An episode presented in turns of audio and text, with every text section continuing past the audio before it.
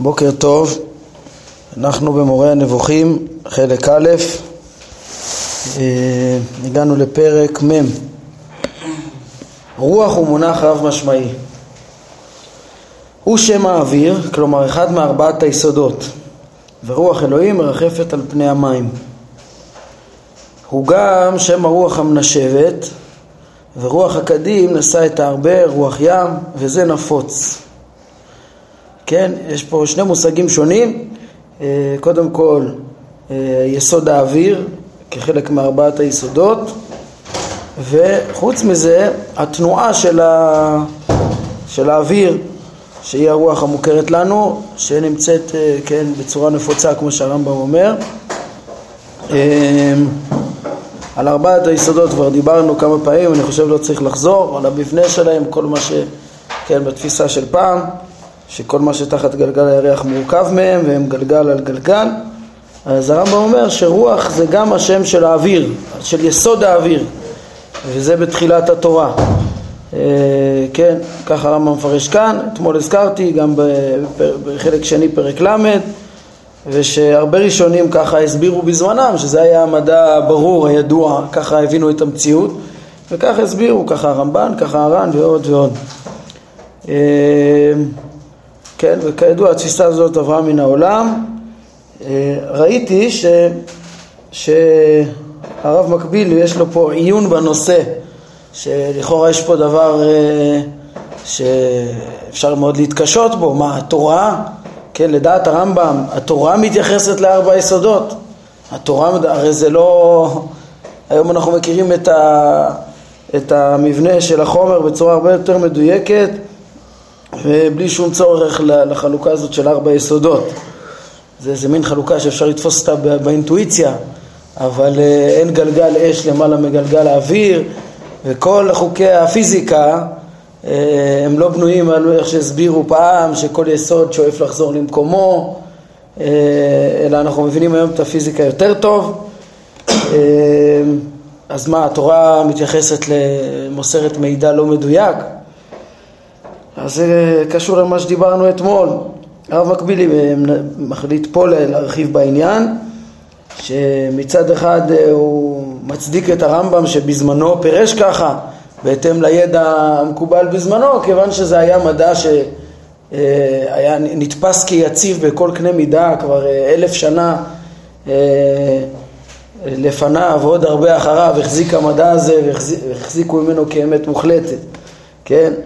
אה, מצד שני, איך יכול להיות, מה התורה התכוונה לזה, או איך, איך צריך היום ליישם, להתייחס, לפרש את התורה אה, על פי הרמב"ם, מי שנאמן לשיטתו של הרמב"ם. אז אה, הרב מקבילי מביא פה שתי דעות אה, שקשורות לדברים שדיברנו כבר. דעה אחת, הוא, הוא אומר שהיום צריך ל, להכיר, לפרש את הפסוקים בהתאם לפיזיקה המודרנית, כמה שאנחנו יודעים, כן? למרות שאפשר גם להסתייג מזה, כן? ברור שצריך לדעת, להכיר את המציאות כפי היכולת, ולא להחזיק מתיאוריות אה, עתיקות שעברו מן העולם, כן? נכונות, כן? אבל אה, אה, השאלה אם צריך להתאמץ לפרש את הפסוקים בהתאם למדע. אז יש כאלה שאומרים שכן, דרך אגב, פה בישיבתנו הרב יצחק אורלן הוציא לאחרונה ספר אה, להסביר את מעשה בראשית כ... כתיאור אה, הבריאה בהתאם למידע של המדע. והוא רוצה לפרש את זה כפשוטו של מקרא ומתאמץ ומדקדק ואומר שגם אם יתברר אה, תיאוריות ודקדוקים נוספים ובירורים מדעיים אז אנחנו מן הסתם נמצא שזה כתוב, זה כוונת התורה, ואז נבין מחדש את התורה ונראה שזה עוד יותר מתאים לפשט וכדומה, כן? לעומתו, אה, אולי קודם כל, אנחנו כבר ציינו בסוף פרק אה, ל"ד שגם היחס למדע, אפילו מצד המדע עצמו, השתנה. כבר לא, לא מחזיקים מכל, לא חושבים שיודעים הכל ולא מחזיקים מכל מה שיודעים כדברים מוחלטים, אלא מה שנודע רק על פי ניסיון, אז יודעים שבינתיים הניסיון אה, שלנו מעיד כך, אבל ניסיון זה לא הוכחה. אה, יכול להיות שפתאום יהיה ניסיון אחר, שנצטרך לנסח איזה כלל שיכלול גם איזה ניסיון שלא ראינו וכדומה. בקיצור, המדע עצמו גם כן כבר לא באותו רמה, דיברנו על זה שזה משליך כנראה גם על מילא הצורך בלימוד המדעים השונה מאיך שהרמב"ם הרמב"ם ראה בו משהו כל כך הכרחי, הוא ידע את המסלול שהוא מביא להכרת השם, והיום זה גם דבר שהוא אה, חשוב, כי עדיין נשאר העיקרון של אה, אה, תכיר את העולם, מתוך כך תכיר את מי שאמר והיה העולם. אבל בערבון מוגבל, זה לא איזה מסלול שאפשר להכיר את כל המציאות ולהכריח מזה את, מציאות, את המציאות האלוקית באותו רמה שהיה פעם, היחס השתנה, אז כל זה נגענו, זה לעומת הגישה הזאת ש, שאומרת, כן, יש פה בעצם שתי, שתי טענות בגישה הזאת. א', צריך ל, לעזוב את ה... כן, מי שרמב"מיסט אמיתי, מי ש, על פי הרמב"ם היום היה צריך לעזוב את התיאוריות הישונות וללמוד את החדשות באופן עקרוני, רק מהם להחזיק, לא להחזיק כאמיתי מאיזה, מהארכיאולוגיה של המדע, כן? אז זה דבר ודאי נכון. דבר נוסף שהוא לא ברור, זה שצריך לפרש את המקראות בהתאם לזה, כן? זה לא ברור. כן, למה? לעומת זאת הרב מקבילי טוען שאפשר להבין, שה... זה העיקרון שהסברנו בסוף השיעור אתמול, ש... שהתורה דיברה לפי איך שהבינו בזמנם, מבחינה מדעית, כן, מתוך הבנה שזה לא עיקר המסר של התורה.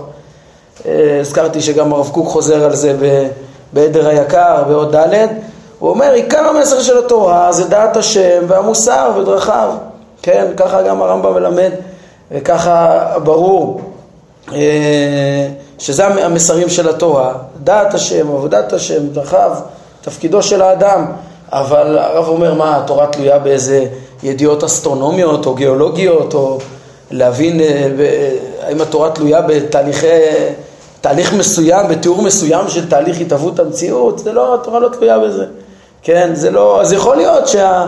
שכל הכרת המציאות אה, ש, שמתוארת בתנ"ך, אה, ובא השם אה, מסר את המסר לנביאים, זה היה בהתאם למה שידעו פעם, כן? ולכן גם אין צורך עכשיו להתאמץ ולפרש כל דבר בהתאם למדע שהולך ומתברר, כן? אלא צריך תמיד להתרכז בעיקר התורה, בדעת השם, המוסר, בידיעת המצווה עלינו ומה תכליתנו ו, ואפשר גם להבין שיש דברים שנאמרו רק אה, באופן כללי לפי תפיסת האדם. אם כבר התייחסתי לזה, אז uh, אני גם אגיד הבדל קטן בין מה שהרב מקבילי, אני נוטה ל, ל, לדעה האחרונה הזאת, שכן, לא צריך לנסות, זה נראה מאולץ מדי לפרש את הפסוקים בהתאם למדע, ואנחנו תלמידי הרב, ש... שאמר שיכול להיות שהתורה אה, מסרה את הידיעות שאינם עיקרי התורה, אה, כן, הידיעות של הכרת המציאות, מה, הקדוש ברוך הוא ידבר עם, עם, אה, עם הנביאים בפיזיקה שעוד לא התבררה בכלל במציאות ואף אחד לא יודע מה מדובר, כן, הקדוש ברוך הוא מדבר איתם כפי שהם מבינים ומעביר להם את עיקר, עיקר המסר הוא עבר של דעת ושם מוסר, כן? ההבדל הקטן זה שהרב מקבילי הוא, הוא מחזיק מהפירושים שהרמב"ם פירש, כמו כאן למשל, אה, שהתורה פותחת בארבע יסודות. הוא אומר, כוונת התורה היא כמו שהרמב"ם אמר, בדיוק, דווקא ארבע יסודות, כן? וכי ככה תפסו פעם, כן? ואנחנו אה, נבין שככה התורה דיברה אה, פעם לפי מה שהבינו ונכיר את המציאות, כן, מבחינת הפיזיקה והדברים שאינם מהותיים בתורה, נבין כמו שהיא ולא כמו שדווקא שמתואר אצל הנביאים. כן, כמו שדיברנו אתמול בעניין של ייחוס המחשבות ללב, אחת האפשרויות שהצענו. אה, אבל אני אומר, אשתא דעתית לאחי, שאתה, שאתה אומר שהקדוש ברוך הוא מדבר עם אה, אה, בני אדם כפי מה שהם תפסו, אז כבר אין, אין צורך גם לאלץ את פסוקי התנ"ך למדע האריסטוטלי שהרמב"ם מתאים אותו אליו. כן, לא צריך להגיד שהתכוונו לארבעת היסודות, איפה כתוב בצורה בהירה כן, בזמן הראשונים שהיה ברור להם שהעולם בנוי מארבע יסודות, אז היה ברור להם שזה גם כוונת הכתוב. אבל היום אנחנו צריכים להיות אה, צמודים לפשוטו של מקרא לפי העיקרון הזה, ולא... הרמב"ם סבל הרבה דחקים כדי להתאים את המקרא למדע, כן? והוא עשה את זה בצורה מאוד מאוד רצינית ומאוד, אה, כן, הצליח להתאים את זה בצורה מאוד ברורה, גם במעשה מרכבה אנחנו נראה, והרבה דברים ש, שכאילו יש תיאורים של כל מבנה המציאות כולה, אז, אה, אז הרמב"ם פירש את זה בהתאם לתפיסה בזמנם. אבל אנחנו חייבים להגיד אה, ש, ש, שלפי התנ"ך, התנ"ך דיבר על זה שיש גלגלים, אין שום מקום שזה מפורש. רס"ג סובר ש... שכן, או שהגלגלים חיים. רס"ג, ככה סברו פעם, הגלגלים הם בעלי נפש ושכל. רס"ג אומר שלא, שהשמיים הם חומר, אה, גרמי השמיים הם חומר כמו, כמו כל הדומם, כמו החומר שבארץ. כן, וזה מתאים למציאות שאנחנו מכירים, וככה הוא פירש את הפסוקים, אפשר ללכת בזה עם ה... עם, כן, זה גם פשוטו של מקרא. בקיצור, זה הערה קטנה. שנכון העיקרון שלא צריך עכשיו להתאים, אה, כן, לפי השיטה הזאת, אה, כל, את כל הפסוקים לגילויי המדע החדשים, אבל אה, אין הכרח, כן, זה נכון, אבל אין הכרח להבין אותם, אבל דווקא ממילא, כן. הרב מקבילי אומר, טוב, אז נבין בדיוק את הפירושים של הרמב"ם ונגיד שככה פשוטו של מקרא ו... וכך הבינו פעם. לא, אפשר גם עכשיו לחזור לפרש פשוטו של מקרא גם בלי לנסות, הרמב"ם היה צריך להתאים את זה למדע של פעם. טוב, קצת הרחבנו, זה דברים חשובים, וכן, איך לקחת את הרמב"ם הלאה. אז משמעויות רוח, משמעות ראשונה, יסוד האוויר, מארבע יסודות, משמעות שנייה, הרוח, תנועת האוויר שאנחנו מכירים. אה, חוץ מזה, הרוח, כן, הוא גם שם רוח החיים. רוח הולך ולא ישוב, כן, שזה רוח החיים שיש לבעלי חיים, ועוד מעט נראה גם הרוח החיוני שבאדם, יש באדם, כמו שנראה מיד, יש באדם חלק עליון בנפש שנשאר אחר המוות, כן, שזה הרוח ששב אל האלוהים, ויש חלק חיוני שהוא רק מפעיל את הגוף. החלקים שבנפש שאחראים על תפקוד הגוף, הם הולכים ולא שווים, רוח הולך ולא ישוב, כן, ויש גם אה, רוח ששבה אל אלוהים אשר נתנה. אז קודם כל, אז, אז המונח רוח הוא מגיע גם במשמעות של החלק שמפעיל את הגוף וכלה, וגם במשמעות של החלק הנשאר. אז הרמב"ם מבחין, זה שתי משמעויות שונות. כן, רוח הוא גם שם רוח החיים, רוח הולך ולא ישוב, שניים שניים מכל הבשר אשר בו רוח חיים, הנה פה זה בכלל על אה, בעלי חיים. אה, והוא גם שם הדבר הנשאר מן האדם אחרי המוות, אשר הכיליון אינו שולט בו. כן, יש חלק באדם שהכיליון לא שולט בו ונשאר אחר המוות, זה הישארות הנפש הנצחית, זה החלק העליון שבאדם, התודעה שלו, צורת הנפש, זה הצלם אלוהים שעליו נאמר נעשה אדם בצלמנו כדמותנו, שעליו למדנו בתחילת המורה. אה, זה השכל בפועל, התודעה של האדם, זה צורת הנפש. כן, אז עליו גם נאמר, הוא גם נקרא רוח, וישוב ועפר על הארץ כשהיה, והרוח תשוב אל האלוהים אשר נתנה. אומר הרמב"ם, פה רוח זה לא החלק שמפעיל את הגוף, אלא זה החלק העליון של התודעה של האדם, שהוא נשאר גם כשהגוף אה, שב אל עפר. אה, אני רוצה להסביר, כן, את ה, שני, שני החלקים האלה של הנפש, אה, מאוד חשוב להכיר אותם, כן, איך הרמב"ם מבחין בין שתי הבחינות בנפש, זה נזכר גם בפרק הבא, אה, כן, אם תסתכלו בפרק מ"א בתחילתו, אז הוא מדבר על המונח נפש. נפש הוא, הוא, הוא מונח רב משמעי, אני קורא גם שם, כי אני יש פה, הוא אומר את אותו מעשר, את אותו חילוק בשמות שונים וצריך ל, ל, לשים לב, אני רוצה להביא את זה גם ממשנה תורה, מיסודי התורה. אז שם הוא אומר, כן, נפש הוא גם מונח רב משמעי, המשמעות הראשונה הוא שם נפש החי המשותפת לכל בעל תחושה, אשר בו נפש חיה, כן, זה גם, גם האדם וגם לבעלי חיים, יש, אה, יש נפש, נפש חיה, ואחר כך הוא מביא ש... בהמשך הפרק שם, שהוא גם שם הנפש ההוגה, כלומר צורת האדם, כן? חי השם אשר עשה לנו את הנפש הזאת, זה לבני האדם, יש יכולת להשכיל, כן? קודם כל, והוא גם, הוא אומר, הוא שם הדבר הנשאר מן האדם לאחר המוות, והייתה נפש אדוני צרורה בצרור החיים. אז זה נפש אדוני צרורה בצרור החיים, אה, הכוונה שלחלק הנשאר שיישאר לנצח ב, אה, כן, בצרור החיים הנצחיים, אה, בקיום הנצחי של קיום הנפש וקיום מושכלה. מה זה, שני החלקים האלה הרמב"ם גם מבאר אותם מאוד יפה במשנה תורה וצריך לשים לב, אה, כמו שהרמב"ם ידגיש, הוא ידגיש כמה פעמים שכל שם צריך להילמד מעניינו כי יכול להיות רוח במשמעות של החלק החיוני שקשור בגוף ותלוי בו, ויכול להיות רוח במשמעות העליונה. אם מתואר על משהו מתכלה, אז זה החלק שמפעיל את הגוף. אם מדובר על משהו נצחי, זה החלק הנצחי. וזה, כן, זה כוח החיים שמפעיל את הגוף, זה השכל, זה התודעה, זה צורת הנפש, ומאוד חשוב להבין את העניינים ולא להיתפס לשמות, כן? כי יכול להיות, עוד פעם, הביטוי נפש יכול להיות על זה ויכול להיות על זה, ורוח יכול להיות על זה ועל זה, ונשמה גם, יכול להיות אה, נשמת רוח חיים באפו, שזה החלק שמפעיל את הגוף, ויכול להיות נשמת שדי תבינם, כן, אז זה שייך ל, ל, ל, לבינה, לתבונה, לחלק הנשאר, אז, אז לא להתבלבל בשמות, אלא כל שם ילמד מעניינו, תראו איך הרמב"ם כותב דברים נפלאים בעניין הזה במשנה תורה. אה, בהלכות יסודי התורה פרק ד' בהלכות אה, ח' וט' הרמב"ם מדבר על העניין הזה. קודם כל הוא מגדיר את אה, שני החלקים האלה של הנפש, כן? אומר הרמב"ם ככה: נפש כל בשר היא צורתו שנתן לו האל. לכל בשר, גם לבעלי חיים, יש נפש, פה ככה הוא קורא לזה. והנפש הזאת היא צורה שהשם נתן לו. כוח שמפעיל את הגוף, זה כוח בגוף שמפעיל אותו.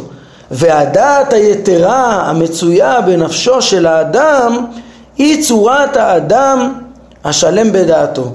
כן, האדם, בשונה מכל בעלי החיים שנבראו לפניו שקיבלו רק נפש, אז הוא קיבל גם דעת יתרה למעלה מכל בעלי החיים והיא צורת האדם, היא צורתו, בה הוא נתייחד, בדעה היתרה שהוא, ש, שניתנה לו, זה האדם השלם בדעתו לעומת בעלי חיים החסרים בדעתם. ועל צורה זו נאמר בתורה, נעשה אדם בצלמנו כדמותנו. כן, בשונה מבעלי החיים שנוצרו בלי הצלם אלוקים, זה בדיוק מה שהרמב"ם אחר כך פירש במורה נבוכים, כן, בתחילתו, כמו שראינו, מהו הצלם והדמות. ראינו שעל מה נאמר מהו הצלם שבאדם? התודעה שלו, שבה הוא נתייחד, בה הוא אדם, כן, וזה כדמותנו, דמיון במשהו, דמיון במה, שהוא גם כן, אה, זה, זה השגה אה, שלא באמצעות, כן, בדרך השלילה אפשר לדמות את זה לה, אה, להשגה האלוקית, לא בהשוואה חיובית, כן, אז על זה, מעבר לבעלי חיים, נעשה אדם בצלמנו, עכשיו שיהיה לו דעה יתרה, כן, כלומר, מה זה נעשה אדם צונן קדמתנו? כלומר שתהיה לו צורה היודעת ומשגת הדעות שאין להם גולם. מה זה הדעות שאין להם גולם? הוא מסביר לפני כן, זה השכלים הנבדלים. כן, אפשר לדעת את הדעות שאינם בגוף, כן, אה, עד שידמה להם, עד שהוא ידע, אותן דעות שיודעות את, ה, את הבורא, המלאכים, לדעת את המלאכים, לדעת את ה, להשיג את, את הדברים האלה זה רק ביכולת אדם, להשיג את המציאויות האלה ול... להתעצם בקיום המושכלות האלה, לקנות את הנצחיות, כמו שהרמב"ם עוד מעט ידבר גם כן על הנצחיות של צורת האדם, כן? אומר הרמב"ם, ואינו אומר על צורה זו הניכרת לעיניים, נעשה אדם בצלמנו, זה לא התבנית של האיברים של האדם, כן? שהוא הפה והחותם והלסתות ושאר רושם הגוף, שזו תואר שמה, כן? גם הרמב"ם בתחילת המורה לימד אותנו את זה שהטעות הזאת שחשבו שנעשה אדם בצלמנו זה בתבנית איברים זה הביא למחשבה כאילו חלילה להשם יש תבנית איברים. כן? אז אה, אומר הרמב"ם זה, זה, לא, זה לא מושג צלם. זה תואר שמה תואר כן? התואר זה, זה המראה החיצוני של התבנית כמו יפות תואר ופרות וכדומה. כן? זה תואר שמה בעברית. אז זה ממש מה שלמדנו בתחילת המורה. והוא ממשיך. הצורה הזאת היא גם אינה הנפש המצויה לכל נפש חיה. הצורה היתרה שאדם קיבל, הדעה היתרה הזאת, התודעה האנושית, שיהיה צלם אלוקים, היא גם לא הנפש המצויה לנפש כל חיה. פה, פה הרמב"ם עושה הבחנה בין שני המדרגות שלמדנו, בין צורת הנפש, כן, הצלם אלוקים שבאדם, לבין הנפש שהיא דומה, אה, לפחות דמיון מסוים, אה, בפעול, בתוצאות שלה אה, לנפש של החיות. אינה הנפש המצויה לכל נפש חיה, שבה אוכל ושותה ומוליד ומרגיש ומערער. גם לאדם יש נפש כזאת, כן? והרמב"ם בשמונה פרקים מתאר את חמשת הכוחות שבה, כן? אבל שם הוא מסיים, אחרי שהוא מתאר את הכוח השכלי, הכוח המדמה, הכוח המתעורר, הכוח המרגיש, הכוח הזן, שזה כל הכוחות שיש בנפש האחת של האדם, אז הוא אומר, דע שזו הנפש אשר קדם סיפור כוחותיה, היא כחומר והשכל לצורה. אז בדיוק זה מה שהוא אומר פה. יש לאדם גם חלק חיוני כזה שהוא דומה לחלק החיוני של בעלי החיים, אבל שם בפרק א' בשמונה פרקים הוא אומר, וגם הוא שונה לחלוטין, שהרי הנפש, אה, כן, אה, הוא גם שונה לחלוטין, הוא יוצא ממנה פעולות דומות. של אה, תזונה והרגשה וכן, אה, איזשהו הרהור של מחשבה יש אפילו לחיות, דמיון וכן, כל הכוחות הנפש האלה.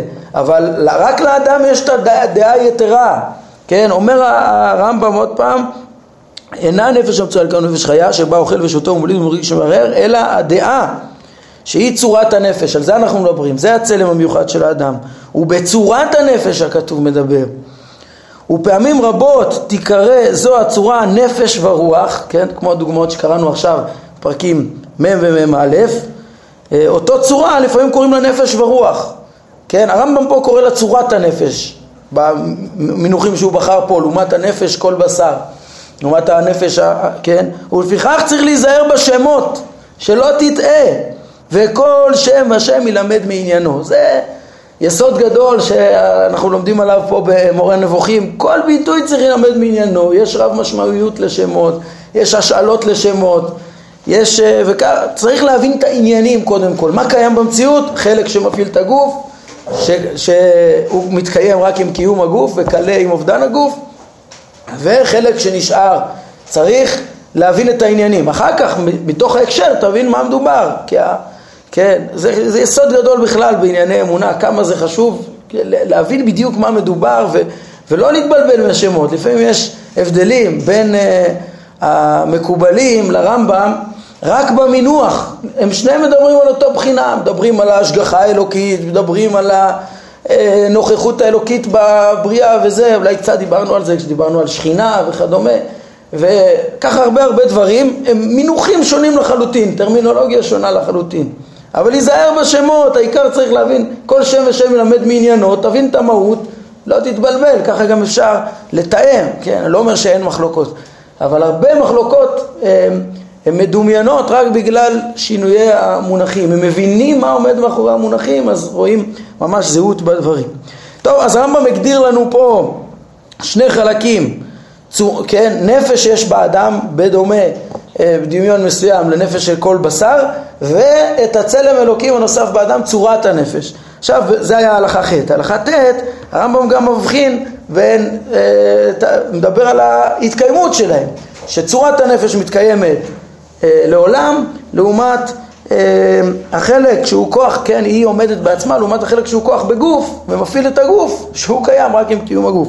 אומר הרמב"ם ככה אין צורת הנפש הזאת מחוברת מן היסודות כדי שתיפרד להם, כן? היא לא דבר גופני כמו כל הגופים שמורכבים מהיסודות, היא גם אינה מכוח הנשמה, שפה זה לשון נשימה, זה הכוח שמפעיל את הגוף, כן? היא לא מכוח הנשמה עד שתהא צריכה להנשמה כמו שהנשמה צריכה לגוף, כן? החלק שמפעיל את הגוף הוא לא מארבע יסודות לפי הרמב"ם, כן?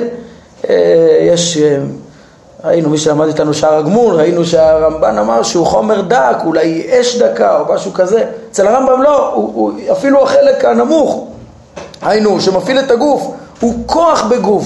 הוא כוח שמפעיל את הגוף, אבל הוא לא מהיסודות עצמם, הוא מופשט, כן, אבל, אבל הוא, אבל הנשמה צריכה לגוף, היינו זה כוח שמפעיל את הגוף, אין לו שום שייכות, שום משמעות בלי הגוף, כן? עכשיו אנחנו מדברים על צורת הנפש, היא לא מהיסודות כדי שתתפרק להם, היא גם לא מהנשמה ש, שמפעיל, ש, שמפעילה את הנשימה, שמפעילה את הגוף, זה לא החלק שמפעיל את הגוף, אלא מאת השם מן השמיים היא. זה הצלם אלוקים שבאדם. לפיכך, מה נפקא מינה שאם עת השם מן השמיים? לפיכך כשיפרד הגולם, הגוף, כן, שהוא מחובר מן היסודות, ותאבד הנשמה, אותו כוח נמוך שצריך, שמפעיל את הגוף, שהוא שייך רק עם הגוף. כן, בדרך כלל אצל המקובלים, אה, דווקא הנשמה בדרך כלל מסמל את החלק היותר עליון בנפש, אבל אמרנו כבר לא להתבלבל בשמות, פה אנחנו מבינים מה הכוונה, לחלק, לחלק של הגוף, אז כשיפרד הגולם שהוא מחובר מן היסודות ותאבד הנשמה מפני שאינה מצויה אלא עם הגוף וצריכה לגוף בכל מעשיה. אז כשהחלק הנמוך של הנפש עובד, המקיים את הגוף, לא תיקרא את הצורה הזאת, כן? כיוון שהיא מת השם מן השמיים, לפי שאינה צריכה לנשמה במעשיה, אלא יודעת ומשגת הדעות הפרודות מן הגלמים, כן? היא מתקיימת בקיום מושכלה, אה, והיא יודעת בורא הכל, ועומדת לעולם ולעולמי עולמים. הוא שאמר שלמה בחוכמתו, הפסוק שקראנו עכשיו, וישור ועפר על הארץ כשהיה והרוח תשוב אל אלוהים אשר נתנה. אז הרמב"ם מלמד אותנו פה גם כן במורה נבוכים, כחלק מהכרת המציאות, מעשה בראשית ומעשה מרכבה, אה, אחד הבריאות המופלאות זה האדם וצריך להכיר אותו, את גופו, את הכוח שמפעיל את הגוף של הנפש שנתברא בשמונה פרקים עם, עם חמשת כוחותיה והחלק הנשאר. לענייננו, רוח שבפרק שלנו אז הוא גם שם הוא גם שם לפעמים רוח החיים שמפעיל את הגוף וגם החלק הנשאר. ואותו דבר ציטטנו מנפש כמו שנראה בפרק הבא. בואו נראה, בואו ננסה לסיים את הפרק. אומר הרמב"ם הוא גם שמו של, כן, רוח, ראינו כבר ארבע משמעויות של רוח. יסוד האוויר, אה, תנועת הרוח המנשבת, רוח החיים וצורת האדם הנשארת. הרוח ששבה אלוהים, אל האלוהים אשר נתנה. חוץ מזה, אה, המשמעות חמישית, רוח זה גם השם של השפע השכלי האלוהי השופע על הנביאים כדי שיתנבאו בו. כל נבואה יש שפע אלוהי שכלי שעובר מאת השם אל הנביא, אנחנו נלמד בפרקי הנבואה שזה דרך המלאכים, דרך הזכלים הנבדלים, אה, מגיע לדעתם של הנביאים, וזה התנועה הזאת השפע השכלי הזה שמגיע מהבורא להשגת הנביא זה גם נקרא רוח, כן, כפי שנבהר לך בדברינו על הנבואה, במה שראוי שיוזכר בחיבור זה, פרקים ל"ב עד מ"ח בחלק שני, שם אה, ידובר על הנבואה, אז זה גם כן נקרא רוח, והוא מביא פה דוגמאות הרמב"ם, וירדתי ודיברתי עמך שם, והצלתי מן הרוח אשר עליך, ושמתי עליהם. אז מה זה הרוח אשר עליך? אותו שפע שהקדוש ברוך הוא משפיע נבואה על משה, משהו מזה יגיע גם מן הרוח הזאת לזקנים, כן? ויהי כנוח עליהם הרוח ויתנבאו ולא יספו, עוד פעם באותה, באותו פרשייה אה, של אה, השבעים, אה, השבעים הזקנים שהתנבאו במחנה, כן? או רוח השם דיבר בי. כל המקומות האלה רוח זה ביטוי לאותו שפע, זה נפוץ. הערה קטנה זה שבפרקי הנבואה אנחנו נראה שכשיש את הלשון הזאת של נבואה שמתוארת כרוח השם שמדברת, שמגיעה לאדם, זה מדרגה יחסית נמוכה של נבואה, ששם הרמב"ם יקרא לה רק מדרגת רוח הקודש. כן? רוח השם דיבר בי ומילתו הלשוני, אה, זה בעצם, אה, ברוח הקודש יש גם שותפות של החוכמה האנושית, ושהאדם מרגיש ששופע עליו חוכמה מלמעלה. כן, אנחנו נראה שיש גם מדרגות, ברגע שאותו רוח לא מתוארת רק כרוח, אלא כבר יש מראה ומחזה ויש, אה, אה, כן, אז יש מדרגות יותר גבוהות גם כן של נבואה. אבל על כל פנים העיקרון הוא שהשפע השכלי הזה גם כן נקרא רוח, זה המשמעות החמישית. משמעות שישית הוא גם כן שם הכוונה והרצון. לפעמים רוח זה במשמעות של רצון וכוונה, כמו בפסוקים, כל רוחו יוציא כסיל, כן, את כל כוונתו ורצונו. אה, וכמוהו ונבקע רוח, מצרי, רוח מצרים בקרבו ועצתו אבליה. דהיינו, אומר הרמב"ם, התפזרו כוונותיו והנהגתו תסתתר. כן? זאת אומרת, אה, זה, אז הרוח מצרים זה הרצון, זה הכוונות שלהם, הרצונות שלהם אה, התפזרו ולא התקיימו. וכמוהו מי תיקן את רוח השם ואיש עצתו יודיענו, כן? אז גם פה רוח השם, מה זה רוח השם? הוא רוצה לפרש את זה פה על הכוונה והרצון, דהיינו מי הוא היודע את סדר רצונו? או משיג יאחי הנהגתו את המציאות כדי שיודיע לנו אותה, כן? מי תיקן את רוח השם? מי מבין את רצון השם, את איך הוא מנהיג את הבריאה, שזה דבר כל כך יסודי, השכל וידוע אותי כי אני השם עושה חסד, משפט וצדקה, מי מבין את דרכי השם ואיך הוא מנהיג את הבריאה ואיש עצתו, כן, מי הבין את עצתו, את, ה, את הנהגתו, את המציאות, יודיענו, שיודיע לנו אותה, כי זה כל כך חשוב, אנחנו רוצים ללכת בדרכיו, כן, כמו שנבהר בפרקים שעסקו בהנהגה האלוהית, כן, והם מפנים פה לאלף נ"ד, שנראה בעזרת השם את י"ג המידות, איך השם מנהיג את העולם, אה, במידות הרחמים שלו, ומפנים פה לפרקי ההשגחה ולחתימת הספר, כן, שמדברים על ה... כמה זה חשוב לדעת את הרצון והכוונה האלוקית כדי לחכות, להידמות, כן, אז זה מי תיקן את רוח השם. אז פה רוח השם, משמעות, אה, זה במשמעות השישית, הכוונה והרצון.